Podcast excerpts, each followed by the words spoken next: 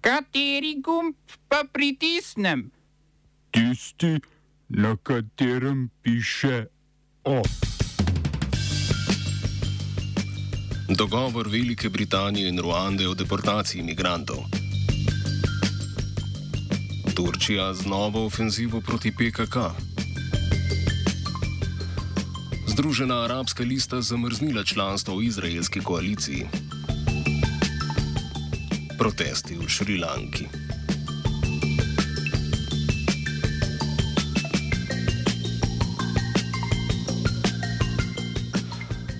Pozdravljeni v velikonočnem ofu oziroma oddaji o nerazumevanju praznika miru, upanja in novih začetkov.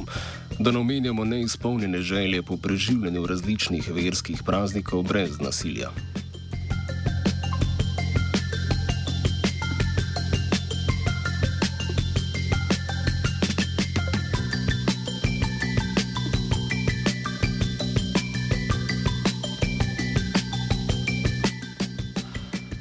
Kentenburski načkov Justin Welby je na velikonočni pridigi označil vladni dogovor z Ruando o vračanju beguncev v Ruando kot odvračanje odgovornosti od sebe in zatorej v nasprotju z božjo naravo, saj je Bog prevzel odgovornost za svoje neuspehe. Nedavno sta se namreč vladi Združenega kraljestva in Ruande dogovorili, da lahko Velika Britanija nekatere migrante, ki so v državo prišli kot slepi potniki, deportira v Ruando. Tam naj ti, domnevno na varnem, čakajo na razrešitev svoje prošnje za azil. Ni posem jasno, po kakšnem kriteriju bodo deportiranci izbrani. Poleg tega dogovor ne omenja, da bi bili deportiranci zgolj prebivalci Ruande. Velika Britanija je za dogovor o Andi plačala 146 milijonov evrov. Po besedah britanskega premijeja Borisa Johnsona, se upravičujem, Naj bi ukrep odvrnil ljudi od nevarnega prečkanja Rokavskega preliva, ki ga je lani prečkalo 28 tisoč beguncev. Visoki komisar Združenih narodov za begunce je britansko potezo označil za kršitev konvencije o beguncih, človekoljubne organizacije pa za nečloveško zapravljanje denarja.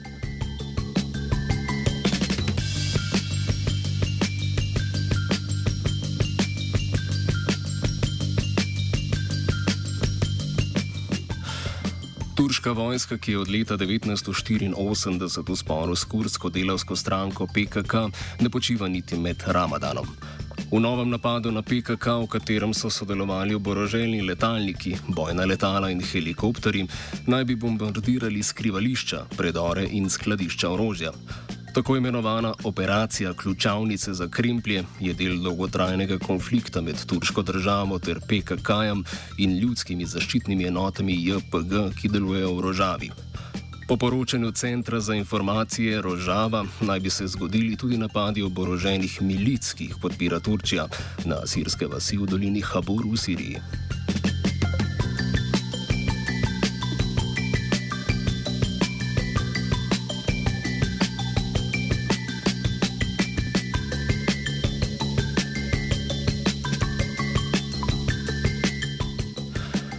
Nespoštovanje praznikov očitno pesti različne monoteistične religije. Združena arabska lista je zaradi napadov izraelske policije na muslimanske vernike v mošeji Al-Aqsa začasno zamrznila svoje članstvo v koaliciji in parlamentu. V nedeljo so namreč izraelske specialne enote že drugič v zadnjih dneh udrle v mošejo Al-Aqsa in poskušale iz nje izgnati muslimane, ki praznujejo Ramadan. Predvidoma dvotedensko zamrznitvijo naj bi stranka umirila pritisk palestinske skupnosti nase. Stranka ima v Knesetu štiri poslanska mesta in je lani postala prva palestinska stranka, ki se je pridružila vladni koaliciji.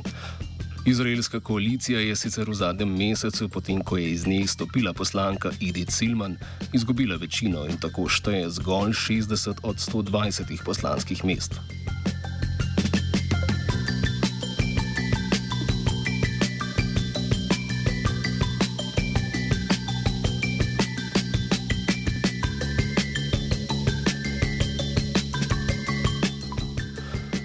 Na Šrilanki že nekaj čaka, časa potekajo protesti proti izjemno slabi gospodarski situaciji v državi.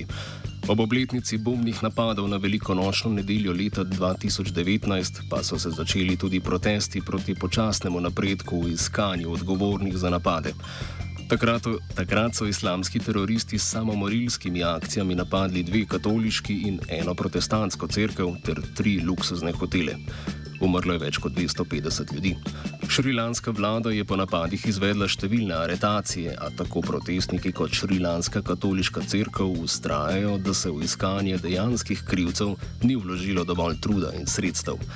Protestniki zato zahtevajo odstop predsednika države in vlade, torej bratov Gotamaja in Mahida Raja Paksa, ki jo imajo tudi za glavna krivca za slabo gospodarsko situacijo in s tem pomankanje osnovnih surovin v državi.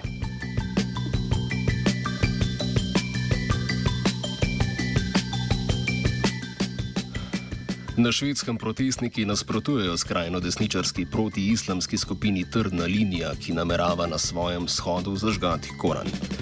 Protesti proti trdni liniji so v nedeljo potekali v številnih švedskih mestih, kjer naj bi bilo v spopadi s policijo ranjenih več ljudi. Sveto knjigo naj bi trdna linija zažgala na protiprisiljenskem protestu v četrti mesta Linkoping, v kateri večinsko živijo priseljenci. Pobudnik sežiganja je predsednik stranke Trdna linija, dansko-nemški nacionalistični politik Rasmus Peludan. Peludanova danska stranka v svojem programu zahteva izgon vseh muslimanov iz Danske in zagovarja etnično čistost države. Na danskih parlamentarnih volitvah je stranka Trdna linija prejela 1,8 odstotka glasov in tako le za las zgrešila vstop v parlament.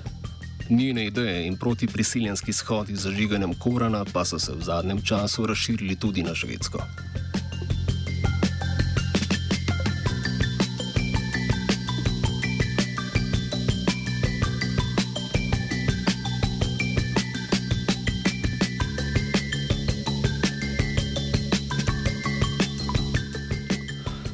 Poleg slovenskih in korziških volitev, o katerih boste izvedeli več danes ob petih, se bodo to nedeljo odvile tudi francoske volitve.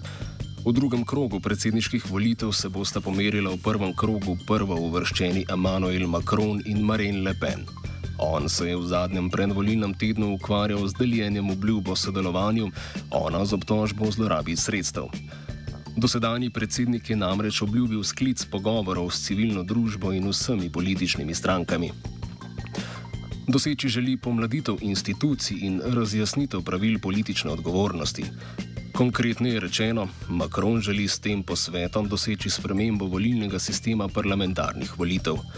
Po predlogu Macronove stranke On Marš naj bi parlamentarne volitve začele delovati po proporcionalnem načelu namesto trenutno uveljavljenega večinskega sistema glasovanja. Ta predlog v zadnjem mandatu ni prejel dovolj glasov, sedaj pa ga podpira večina političnih strank in tudi gibanje Rumeni Jopiči. Macron je predlagal tudi vrnitev k sedemletnemu predsedniškemu mandatu na mesto trenutnih petih let, ki pa, ba, ki pa bi ga vmes prekinile primarne parlamentarne volitve po ameriškem zgledu. Macron namreč meni, da bi morali imeti voljivci pogosteje možnost izvolitve svojih predstavnikov, Sedaj so parlamentarne in predsedniške volitve vsakih pet let in to v istem letu.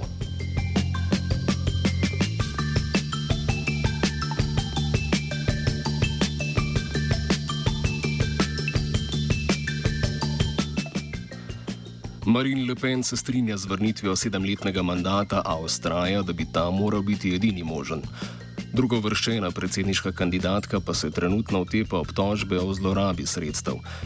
Urad za boj z goljofijami Evropske unije Le Pen obtožujejo, da je v času svojega mandata v Evropskem parlamentu sodelavci zlorabila 600 tisoč evrov evropskih sredstev.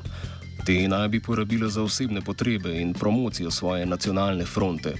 Urad je marca poslal obtožbe francoskemu javnemu tožilstvu, sedaj pa so svoje obtožbe javno oznanili.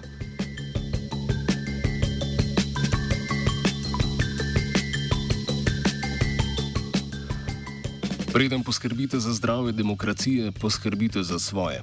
Epidemična novost je, da se okuženi s koronavirusom do srede lahko prijavijo na poštno glasovanje. Tisti, ki bodo na COVID-19 testu pozitivni po 20. aprilu, pa na državno-zborskih volitvah sploh ne bodo mogli glasovati. Demokracija za vse, le za okužene ne.